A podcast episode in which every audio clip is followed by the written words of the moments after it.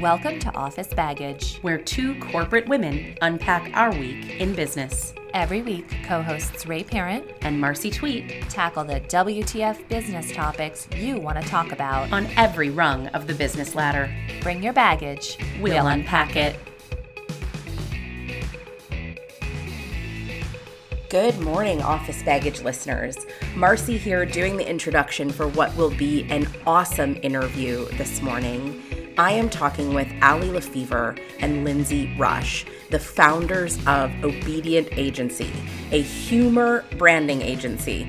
They are really the first of their kind. They're outside the box thinkers and they are so funny and so fun to talk to. I know you're going to laugh through this conversation and enjoy hearing about the growth and excitement that they found in their business. It's rare that business owners that someone with an idea can truly find something new. And what Allie and Lyndsay have gotten their heads wrapped around and their clients' brands wrapped around is the power of fun and the potency of humor. They launch brands and campaigns that hook consumers in and keep them coming back for more. They do full service branding, strategy, messaging, design, online, offline, all of those things. And at the end of the day, every person on their team lives to prove that you don't have to prey on the fears of consumers to make the kill. And frankly, today, there's not a lot of humor in the marketplace right now. We're all a little scared. We're all a little nervous. I thought this would be the best interview to post for you this week to get a little levity in this fairly heavy time. Stay tuned. Listen to my interview with Allie and Linz. They are just hilarious. We're talking about humor, we're talking about their agency, and then stay tuned to the end for a very interesting discussion that I think we're going to have to pick up with some others on this podcast about women in their 30s and feeling stuck between a rock and a hard place age wise, as many of us enter our late 30s, often being painted as too young to play with the big dogs, not enough gray hair to be in the C suite, but too old to be seen as young and hungry. It's a great conversation. Allie and Linz have some great ideas and thoughts on branding through that very difficult time. Stick with us. Here they are Allie LeFevere and Lyndsay Rush, the co founders of Obedient Agency.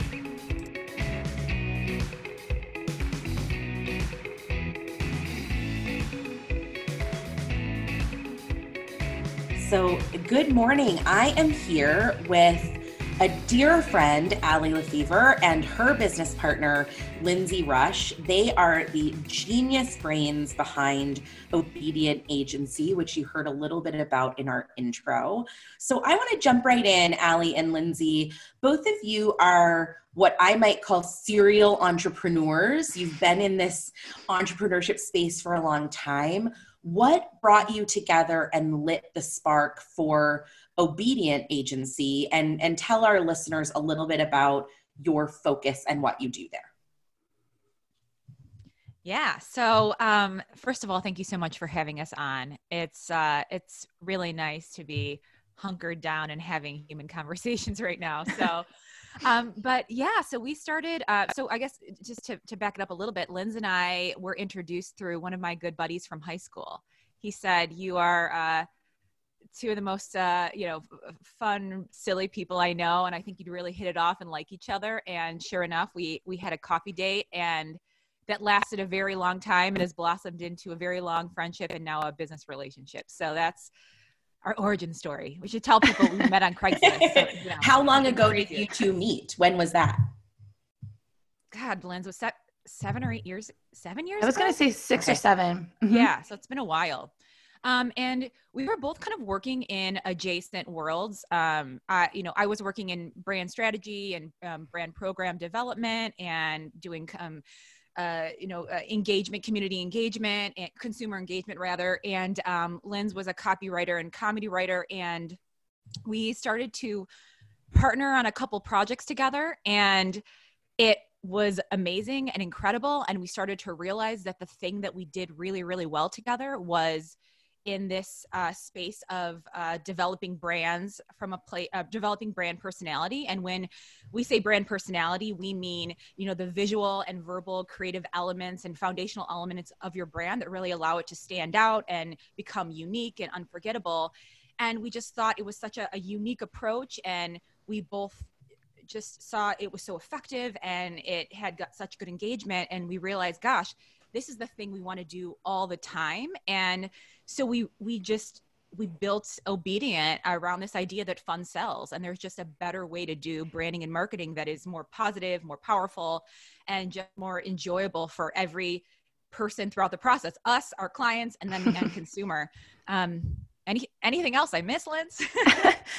I, I mean i would also say that the name obedient is sort of a tongue-in-cheek you know way of saying it's what we want our brands to become the opposite of you yeah. know because we teach these you know when you go against the way that everybody else is showing up in the marketplace you're going to be memorable you're going to be you know a brand that people will want to choose and interact with and like time and time again so yeah i, I do remember us googling humor marketing humor branding because like surely someone else has mm-hmm. has had this as their main niche or main focus and it didn't exist so it, it was oh, really, even further right? proof yeah yeah so you guys emphasize humor so i i will encourage our listeners to go to obedient agency on facebook and anywhere on i just follow what you guys put on facebook because not only do you share some of what you're doing with clients, but you share these kind of aspirational brands that you'd love to work with and the kinds of ads that you would do for them. And every time I see one, I roll laughing. and I think, why are these not brands? Why are these brands not hiring you immediately when they see these kinds of things? have you gotten that where brands have reached out to you and said, We loved the sort of spec work that you did? Yeah, we've had a couple. Uh, you know, we've we've had a quite a few retweets or uh, acknowledgement from brands over the spec work we develop. So, you know, we call it our portfolio, F A U X, and uh, and we've had uh, we've kind of heard through the grapevine from like people that work at the brands oh my gosh we love what you developed we had a you know some fun conversations so it's it's it's for it's for us it's like it allows us to come up with our wildest, most creative, most um, you know, kind of eh, yeah, most unexpected ideas that we just would love to see out in the world. And so it's a really fun place for us to just keep our creative brains flowing and, and get to play. My personal favorite was Cheetos. You oh. guys did the Cheetos ad. Yeah. And the tagline is nothing you want in a president, everything you want in a snack. I just I love it. It's so good. Oh, that I think we made that one right after um that all happened. Yeah. I believe. So we were like, how do we how do we channel? I think that is though a good uh maybe a good example of how you can use humor to still communicate sort of a, a point of view and or even addressing something that's sort of serious. It was just one of our favorite things about humor is how how many different ways it can flex. Oh, absolutely. So, how has it been? I mean, when I see your advertising and your portfolio, um, I'm so attracted to it. Has it been hard to convince brands to go this direction with you, to really emphasize humor and to really get this kind of brand identity that's that's different in the marketplace? And how have you sold and convinced brands to go with you on it? Well, I, I think that the good news is that when people come across obedient, they're often either interested and and believe in what we do and how we approach things or they don't. So we tend to, you know, fortunately for us, attract brands who want to think differently, who want to approach their branding in a more fun, positive, uh, you know, differentiated way.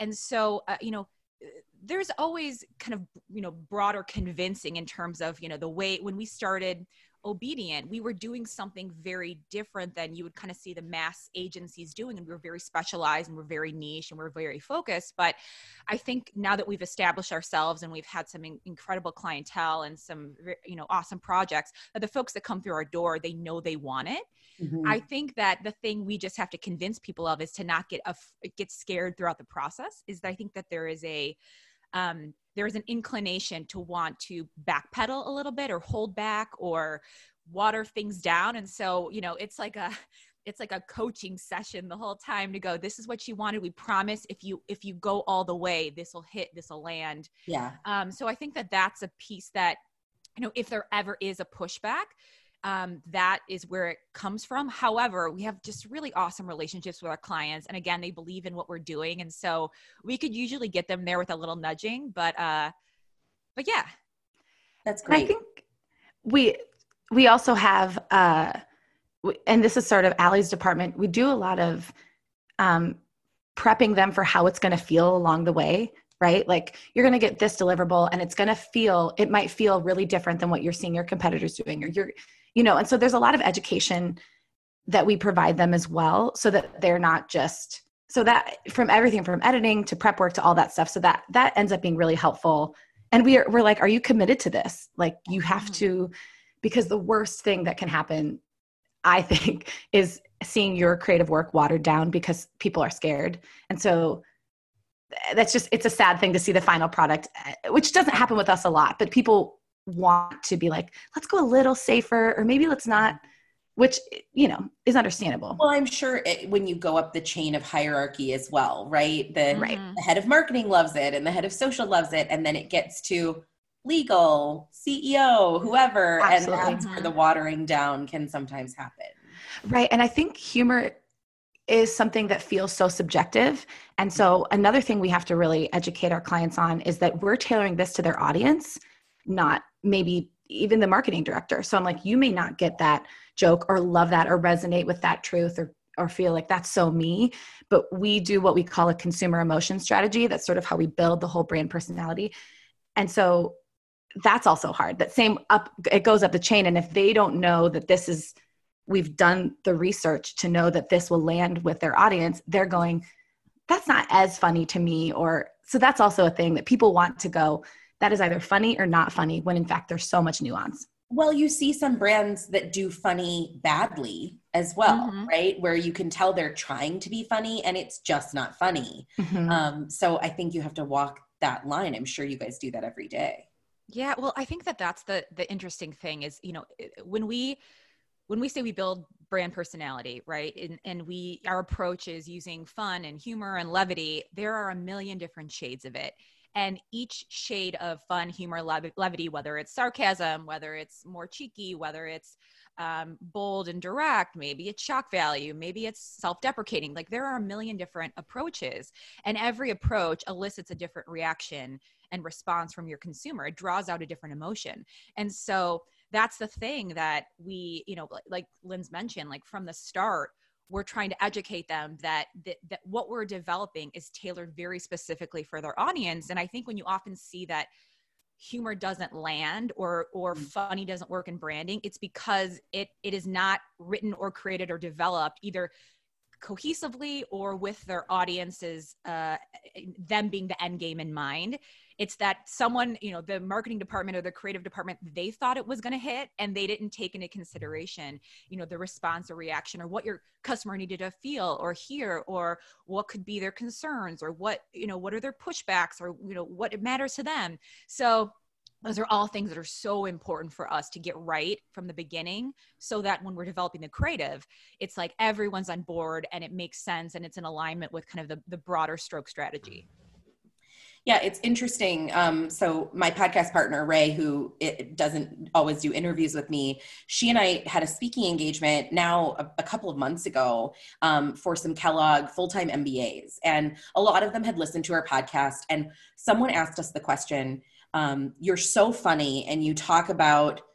really difficult things like mansplaining and and negotiation and all these in a really funny way does it ever not work does humor ever not land or can you really make anything funny? And our response to it in the in our sort of podcast and and personal business world was you have to be careful on you know it's funny when i joke about mansplaining in the background. It's not funny if i'm sitting in a room of executives and i i call out a guy for mansplaining in front of me right? So it's like finding the nuance. So i'm mm-hmm. curious in the same vein kind of how you think about humor in branding are there places where you just go you know what this can't ever be funny or can anything be funny in the right light I would say, and we've dealt with a lot of, we've worked with a lot of clients from industries that you would probably say that can't be funny. Mm-hmm. Um, we had an author who has MS and wants to raise awareness about that. And we found a, a tone that was um, like illuminating and candid and endearing that was really refreshing to her audience because no one was telling it like it was. People were really sugarcoating it, typically in that space that she had discovered. So she was really excited to find a way to humanize that that world and that industry. Um, sure. Similarly, Allie, I don't know if you want to talk about TNN. Mm-hmm. So we've worked with a lot of clients that would be in industries that you would say that can't be funny, and I think it, it goes back to that strategy of, as I think it should always be respectful, and I think it should always make people feel better, not worse. Um, so that's a thing that we really keep in mind. I'm there are of course a few things that I think we all probably could, are thinking of in our brain that you just mm-hmm. are never going to touch, but we haven't come across that. Well, but it's interesting. I mean, when you the one of the I think and tell me if you love or hate this example. Um, one of the best examples of humor in marketing is is the Allstate guy, right? And we love him. Mm-hmm. Ten years ago, you would have never been able to say that a car accident was humorous, and Allstate has made car accidents funny. And it, that probably at the time, I know Leo did that, right? Leo Burnett mm-hmm. did that initial um, campaign and, and still does. I'm sure that was really difficult and cutting edge to get through the approval process of we're about to make car accidents humorous. Well, I think the the thing that is so powerful about that style of humor is that the truth is what is funny. It's relatable, it's humanizing, it's it people uh, say I, I, get that. I, I, understand that. I relate to it.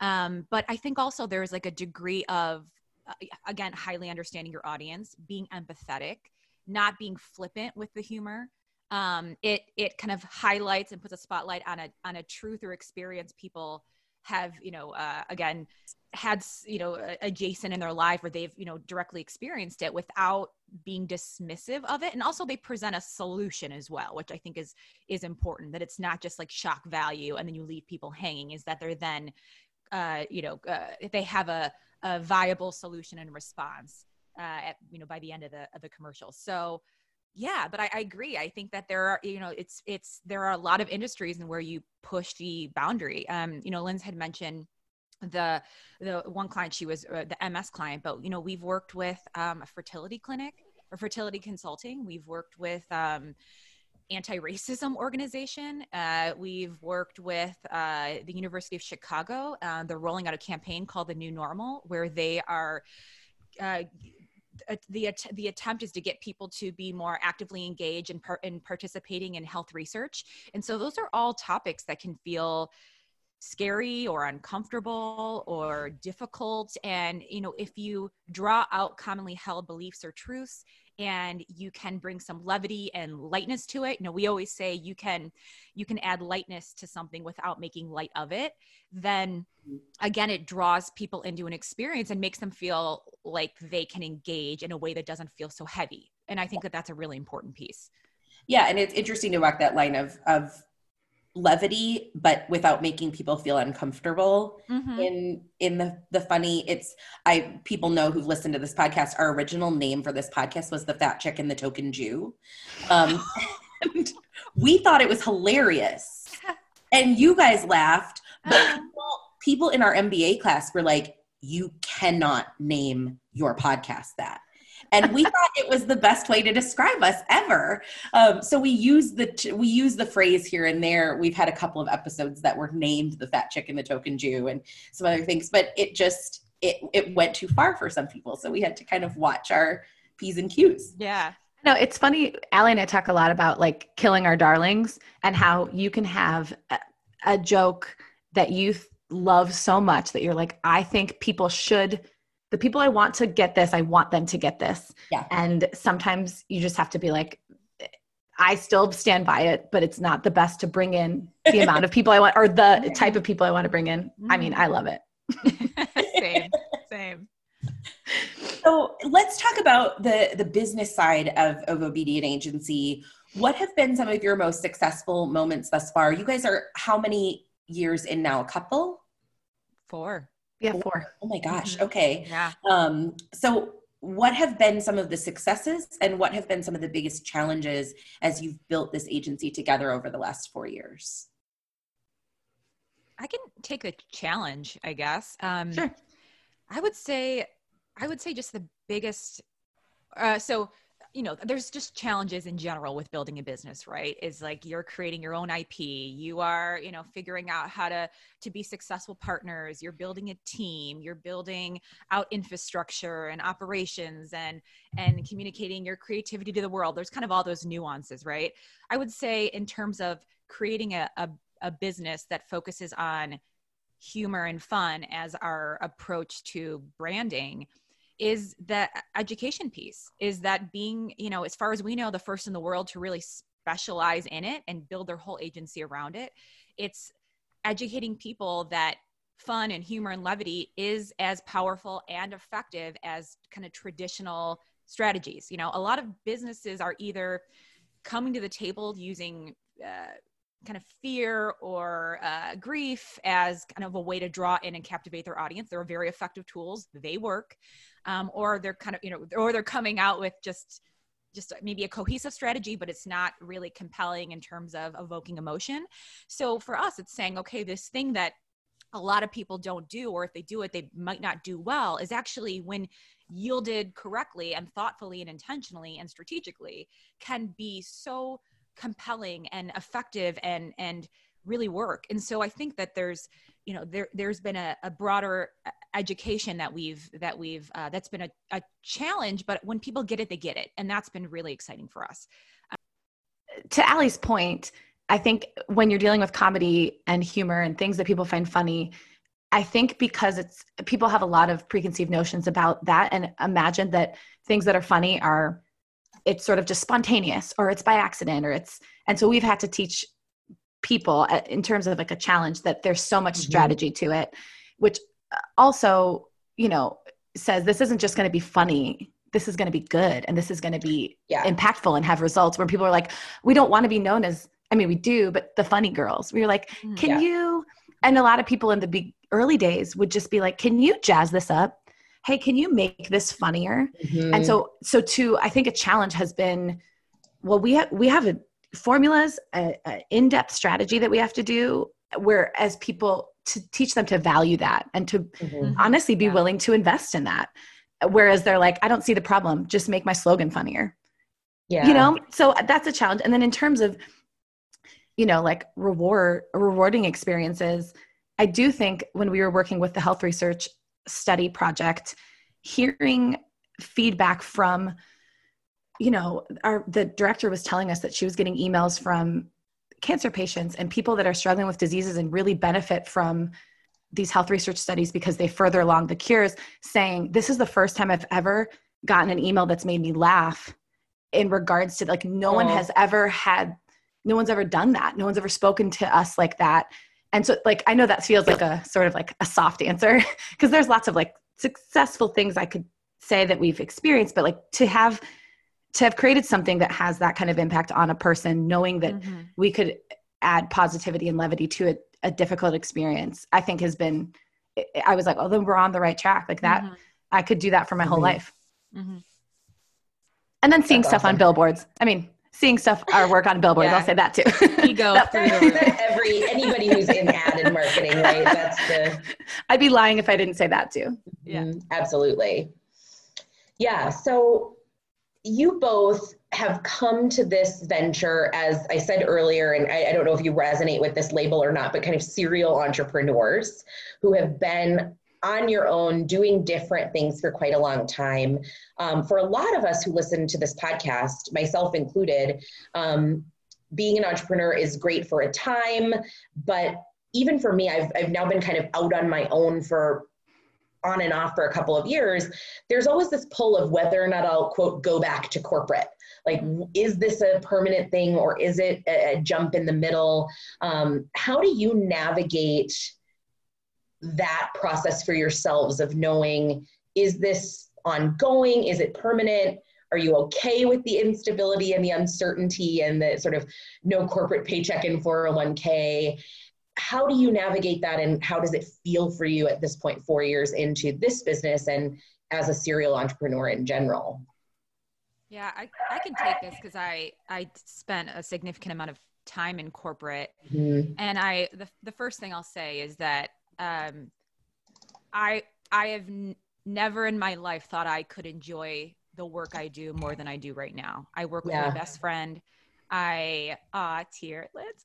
Um, I work with my best friend. I get to do work that I love, that is fulfilling, that I'm excited by. Our team is rad. Our projects are just you know deeply meaningful and enjoyable and i'm so proud of what we've been able to develop together so like that all is just a, you know a win in that bucket. Sure. I'll say um, when it comes to kind of the how I you know kind of balance the weight between looking or balance the scales between looking at you know the the security and stability I had at corporate and the security and stability I have at you know with Obedient is um, you know I I got laid off from my corporate gig. Mm-hmm. I had my salary dictated to me by my corporate gig. I had my raises you know had to be on par with the other people eh, you know in my salary band in my corporate gig yeah. i had to work 100 hours a week for the same you know uh and getting and got paid for 40 hours worth of work in my corporate gig and i don't say that to to shit on or poo poo corporate i think i understand the value. My husband works in a in a corporate environment. Like i i understand like that the the structure is important for people and and being part of a bigger you know team and and you know working uh, with you know uh, colleagues and all those like those are all beautiful wonderful benefits. I've found for me personally that there's no one that works harder for me than me and there's no one that works harder to give me kind of the lifestyle and the security and the income sure. and the success that works harder for me than, than i do or that I know Lyndsay does. Um, and so I just, I trust in that safety more than I trust in kind of be that being dictated by, you know, a, a third party company who I'm just a, kind of a cog in a wheel. Um. And that's just my personal experience. You know, I, like again, I got laid off in the height of, uh, you know, 2009 when kind of all hell broke loose, and my my department was the first cut.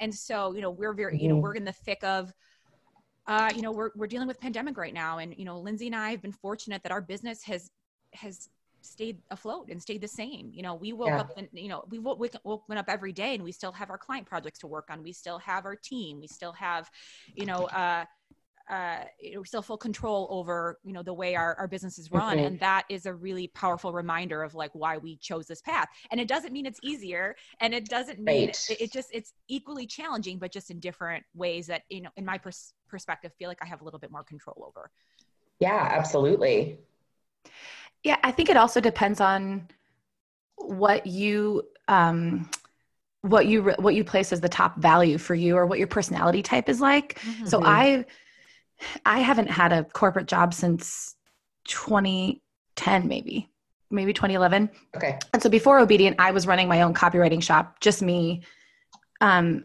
for a number of years. And the freedom to work for myself whenever and for whomever, and to have, you know, months where I really wanted to hustle and make more money or months where I wanted to go on trips and take it easy like that so to me like flexibility and freedom have always mm-hmm. been yeah more of a priority maybe than than a paycheck and then but then finding a business partner has changed all of that for me realizing that you can also have both of those things mm-hmm. like i'm just not yeah so partnering with Allie and creating obedient and finding ways i mean we're very we everyone is remote that we on our team. People are yeah. all over the world. We don't have office space. Like we've we've been really strategic about what we like overhead so that we can do this you know and continue to do this hopefully forever. Mm-hmm. and uh, and i think another thing is being willing to pivot and being like this seems to be what people in terms of service and offerings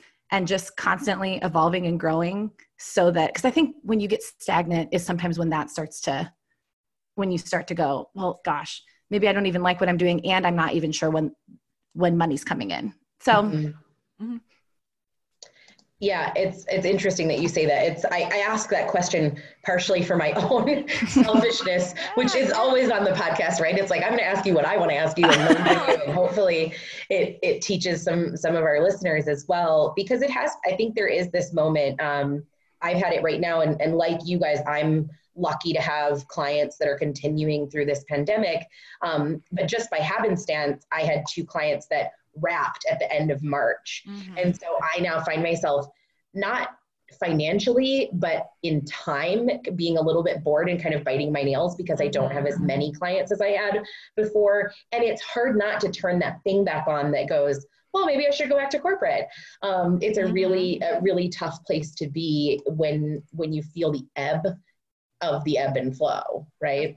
Of course. Yeah. I also think, oh, sorry, Allie. You can go ahead.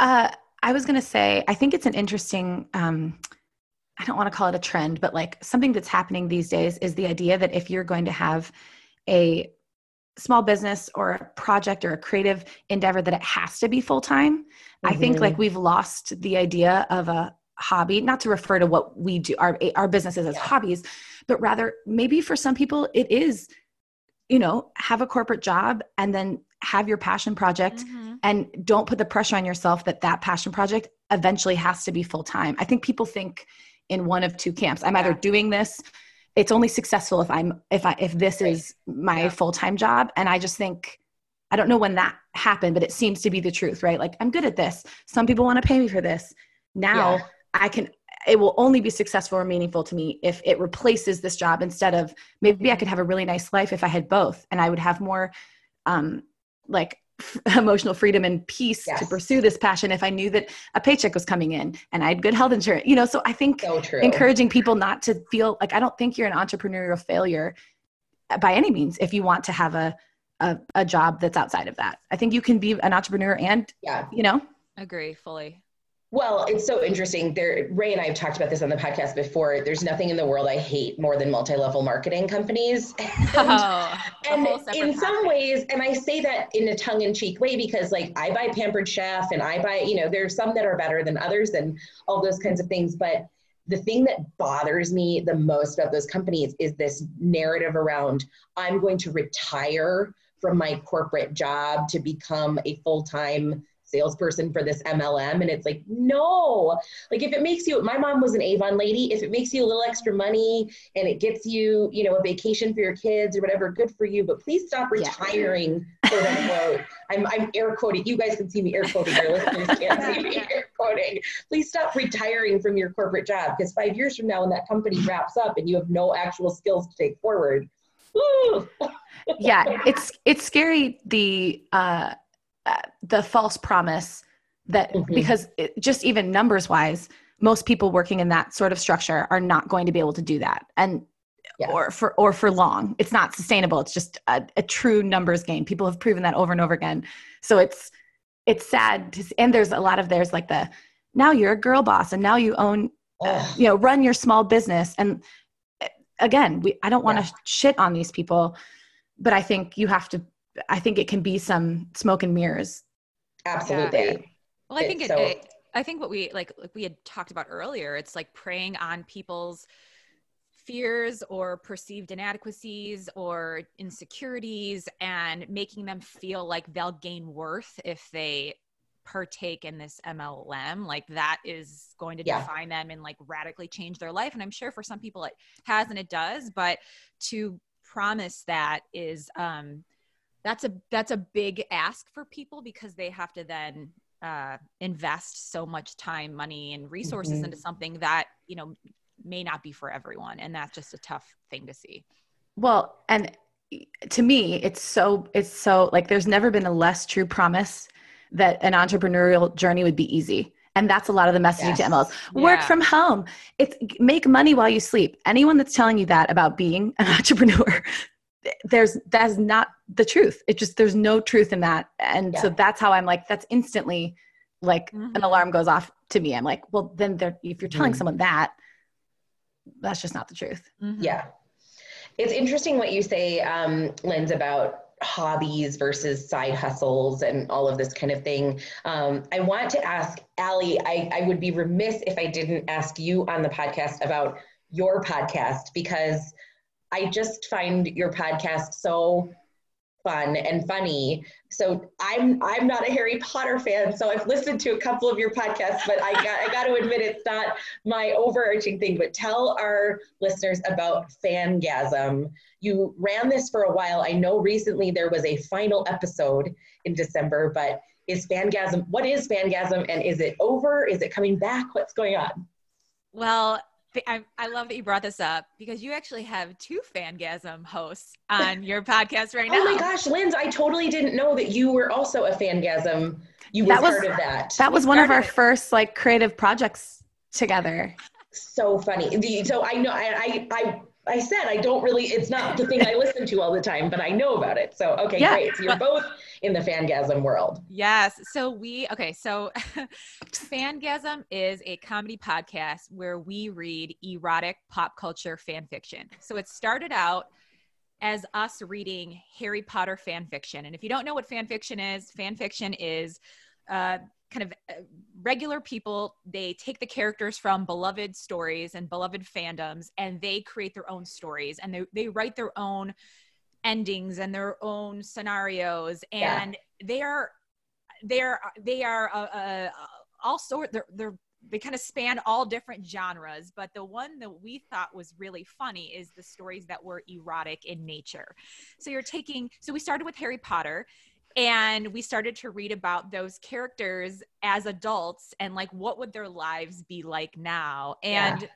we then um, you know after many seasons of harry potter we started to expand into other um, uh, other fandoms. So we've read the office and game of thrones Oh, and, wow. uh, and it has just been it started off as this really silly idea linz and i had and we thought okay maybe we'll do it for one season. And we had no idea it would take off how it did or that people would be hungry for it but we saw you know it, it's funny because we you know it was just a silly fun idea but it was also kind of strategic in nature in the sense that we saw this Yeah. whole world of fan fiction that existed hundreds of thousands of stories and thousands and thousands of stories of them were erotic and harry potter was the most popular of all the fandoms and we both loved harry potter and so we thought okay there's obviously Yeah. uh, there's a there's a hunger here for this and there's a desire and people are interested in it so yeah we we we've been doing our our podcast for almost four years. Um last year we decided okay we're gonna kind of pump the brakes on this. We're gonna do a formal ending but we might come back and do stories. Um but yeah and and we have. So now that we have been kind of on lockdown we have been reading a couple new stories for our audience and um it's been a delight and oh, fantastic. and the fun thing is we just love podcasting as a medium so much it's Mm-hmm. just you know obviously we're on a podcast now it's just a fun way to get really unique different ideas out into the world so we're um actually in the process of launching two new podcasts uh, which is very exciting Amazing. so yeah I also want to note that originally the podcast was called Potterotica, the Potterotica Yes. podcast. what that was back when we were just doing Harry Potter stuff. But I do, it, aside from it just being like pure fun, it also became like, there goes my dog. Should I wait? no, that's totally fine. okay. Um, the podcast also became like proof of concept for obedient because we were like, this is going to be very niche. People definitely, people will either be like, this is for me or this is not for me. Mhm. And we are we are fans of things that are polarizing. Like as as an agency, right? Like we think that can be a good a good route to take in your branding is to be like so that people instantly will go i like harry potter and i'm into comedy and I'm, i'd be open to this or i'm not and so Yeah. it was really our fan base was for a long time really wide and then has grown really just like deep so these people are Mm. passionate about it there are patrons on patreon there you know what i mean so you can Yeah. i think also given how many Allie what was your statistic on how many podcasts are currently on spotify alone i It's like- heard today that it was 760000 Yeah. which It's- is bonkers Right. So I think now more than ever, you have to say like, what kind of value am I going to give, and how am I g- how am I going to get people to listen to this? But I think anyone who's like, I will only have success if I'm like the Dax Shepard or the Joe Rogan or the a- Mhm. again, sort of back to I guess the sort of lesson about like hobbies and and entrepreneurship is there's a lot of ways to have success in these things that aren't Mm-hmm. just millions of listeners and you know Yeah. It's that's I find the most hard the hardest thing about podcasting is that getting caught up in the analytics and getting caught up in the number of downloads, right? And we'll have a week where I'll put something up and it won't get a ton of downloads and I'll be I'll feel dejected, right? Because you always do when something goes down or or when it doesn't get the results that you want. And then I'll get an email from someone saying, I'm so glad you posted that. It changed the way I'm thinking about this thing in my work. And you go, okay, if I'm not, you know, Mel Robbins, then okay, I'm that's okay and it's fine. Um, it's hard. That's been the hardest thing on the podcast. The podcast for me has been, you know, side hustle, if if if not hobby. And you know, we have sponsors that reach out and you go, oh, do we want to do that? Is it even important to us? It's such a hard thing to do. right because you go maybe it's just like um like being growing my platform as a thought leader and that's valuable because it will Yeah. lead to speaking opportunities or you know book deals or those kinds of things or even just getting a couple new clients and so like it is if Mhm. people are like waiting to make if you're launching a podcast hoping to rake it in like, Yeah. buckle up like there's there's just lots of other ways to like uh Yeah. quantify for sure but it's Oh, difficult absolutely. with numbers because you're like that's it all the effort all the the editing the it's just such a i think podcasting is another thing that people are like it's it's i think podcasting is the new writing a book people used to be like i could do that people are like i could start a podcast I'm like okay Yeah. Good luck. Yeah. Try doing that every week Yeah. for year after year. I think it's a really what I always tell people is it's a very easy thing to start and it's a very it's not a prohibitive platform to get onto but it's a hard thing to consistently continue and Yeah. I just had this conversation with a friend of mine who works in a very niche area of consulting and she said should I start a podcast I said yeah start one put up you know an episode every month if you're using it like you said Linz as your thought leadership platform go for it. Doing this weekly slog is not easy at all. mm-hmm. right and i think it's what makes podcasting so it is so lovely that it, the the barrier of entry eh, like the threshold what is very low so you can Mhm. hop in and i think you can learn as you go and you can say oh it seemed like people liked this and maybe not this so i'll do more of this or wow i can do these mini episodes or i think it's great if you have the like the resolve to not get discouraged mm-hmm. and to like you know keep because like you you said earlier in this like consistency is key and you have to like Yeah. yeah i mean i'm thinking of that in us launching new- two new podcasts and like you can't compare that to where Fanga- fangasm is because it's been four years and so much work but i know Yeah. that that's going to be difficult to see because you're like here's this killer episode and then you see the numbers and you're like Mm-hmm. okay that's just because it's new or that's because maybe that wasn't the right yeah Well, and it will shock you which episodes do well and which don't, and the things that you think are going to take off don't, and the things that you think were crappy are getting hundreds and hundreds of downloads. So who knows? Yeah, I, I- I think it's important too. Now that we're on the topic of like po- podcasting, Yeah. is um, to set it up in a way that is like viable for you to continue. Like that's something we've actually spent a lot of time with these new concepts. Is what is going to make us excited to do this every week?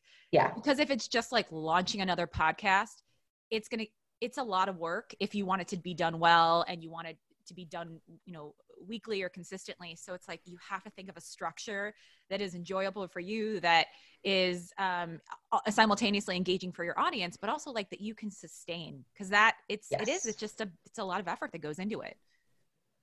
Yeah, absolutely. So I want to switch gears. The the last topic I wanted to talk to you two about, and and it's funny because I talked to Ray about this topic, and as a a forty something woman, I think she rolled her eyes at me a little bit, but it's something that I find that people in our age group, so the three of us are are very similar ages. We are all mid 30s. Um, and I have found this very interesting paradigm that's happening for me the past few years, and I'm wondering if it's happening for you all too. Of this moment that happens in your life when you're in your late 20s, even early 30s, you get a lot of credit and a lot of um, laud for being young and hungry. And as you get older, you I feel like I'm stuck between a rock and a hard place age wise as we get to our late 30s. You can't be painted as the young, hungry person anymore. And you're, you're still too young to play with the big dogs in a lot of people's worlds. And I, I wonder how you guys have felt that uh, in, in general, but in obedient agency, because you are up against the big dogs, right? You are probably walking in and pitching against the Edelmans and the Leos and the, the sort of big dogs of the world. How do you navigate that in the age that we are? It's been an interesting slog for me, you know, in my own kind of consulting world of there are consultants out there who I love and they're my friends who are former, you know, chief sustainability officers of Fortune 20 companies. And that's not who I am, but I'm pitching against them at, at times. How do you avoid being seen as not young and hungry anymore, but not too old? Are we in this kind of, you know, sandwich place in our lives? It's a big question, but that's how I'm yeah. thinking about it. I would so I'll I'll kind of answer one part of that question in a sense that we are so there's kind of two components right so because we're self-employed we maybe don't face the same level of scrutiny in terms of being kind of sandwiched between kind of the young and hungry folks and some of the senior leadership because we're kind of the senior leadership of, yeah. of our company right so that is maybe something that we don't specifically deal with but we are a young and hungry agency yeah. And we are, mm-hmm. we will mm-hmm. continue to be a young and hungry agency. Um, I think that the thing that we we've just ha- had to do is just stay young and hungry, be mm-hmm. constantly willing to pivot and differentiate and um, and expand our offerings and pivot our offerings and um, we, you know ref- refreshing the way we think about things and talk about things and and I think that was a big reason why we became so niche is like we you know we maybe in terms if we were a full service agency that kind of offered everything i don't know if we could compete with the mm-hmm. edelmans of the world but because we do one specific not one specific thing but we're very niche in in yeah. what we do and we have really prided ourselves on doing that very well and continuing to be the you know experts in in that specific thing in brand personality and fun and humor and levity and consumer emotion that's allowed us to to kind of play against some of those more yeah. you know seasoned experts in our industries because we've just really made ourselves niche um Linz i don't know if you would add to that no you you touched on the thing i was gonna touch on which is i think the task is finding um your like differentiator that mm-hmm. can't be defined by either thing so mm-hmm at least that's what's that's what worked for me when I was running my copy shop, and that's definitely worked for Obedient. I remember when I was like starting my own, like starting to be a copywriter. It's not what I went to school for. Um, I was a writer, but I wasn't in like marketing traditionally. But I I had a a funny and conversational tone, and so the way I won clients was by saying, "I'm not going to sound like the overly trained journalism."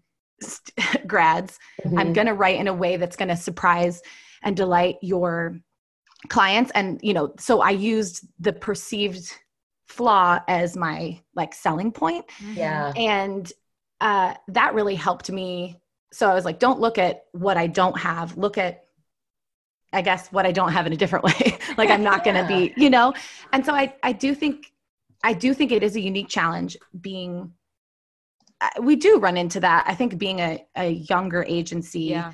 and not being, yeah, competing with these people who have these massive rosters and teams and stuff. Right. So, yeah, that's the only thing I can think of that has helped me even like play advice. in those rooms, you know? Yeah, I think that's great advice. And I think for for women, I see it happening a lot with with women our age who have been in corporate, myself being one of them, of feeling this ceiling that you're hitting mm-hmm. and going, you know what, fine. If I'm going to hit the ceiling, I'm going to go out on my own and I'm going to find my niche and mm-hmm. I'm going to do the thing that works for me at this time. And I think that's it's such great advice. I, that's why I asked you this question because I knew you would have good advice.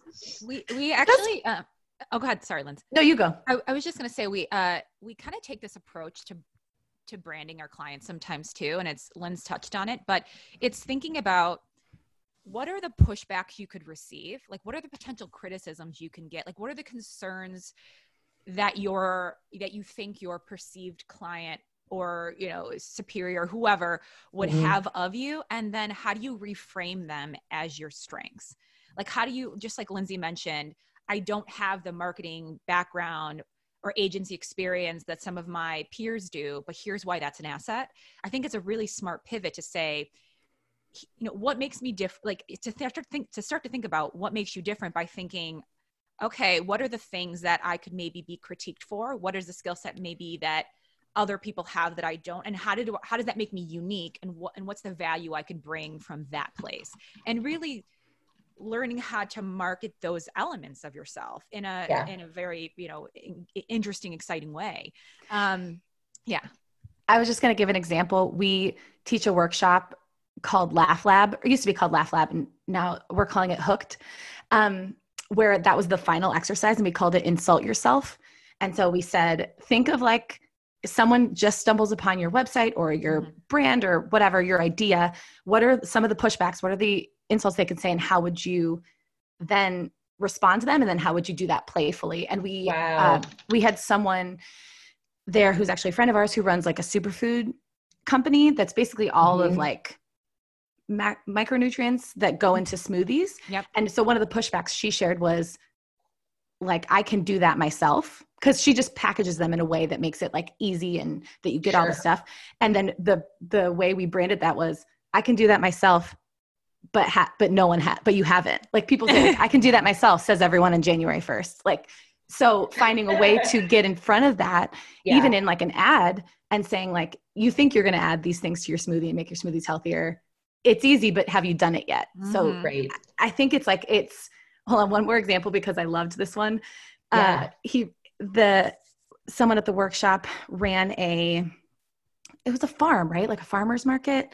It was yeah, something it was all about like bringing more yeah, sustainable like farming and, and urban farming. Okay. Yeah, to bring more fruits and vegetables to food deserts and things like that. But he was like, our website is so ugly, it's so old, but we don't like we don't have the budget for it. We want to do all this other stuff. And we suggested your homepage should say our website is ugly and old because we're too busy bringing food to people who need it. Like, you know, you say mm-hmm. this may yeah. be true, but w- that's because we care so much mm-hmm. more about this thing mm-hmm. that is, that makes us. So I just think there's, there's, and that's where humor and fun comes into play because you're not yeah. defensive. You're just saying, can you, can you see this ugly website? Mm-hmm. it's because, you know, so I think there's, that's like, it's a flip in your brain that ends up being like a really useful branding tool. Yeah, I um, we recently went through a, a, branding exercise at the organization where I sit on the board, and um, great branding agency that took us through that was if you got fired today, what are the worst things you would say about this organization? Like, uh, what would that go home and badmouth? Okay, let's fix those things. That's, that's great. Fascinating. Yeah. So flipping the switch on some of that is really a great piece of advice. I love that. Terrific. Well, this has been so wonderful to have you both on the podcast and Linz to meet you um, via Zoom. At some point, we'll do this in person. Yes. Um, I'd love to have you guys back on at some point to talk, get more granular about humor in, in marketing and, and all of that. But it was a great introduction. And I will make sure to link in the show notes all of the places that our listeners can find you and learn about you. And of course, the to listen to the Fangasm podcast. oh my gosh. Thank you. You're the uh, best, Marcy. Thanks for having us on. Oh, this of course. such Thanks a treat. coming on. Yes.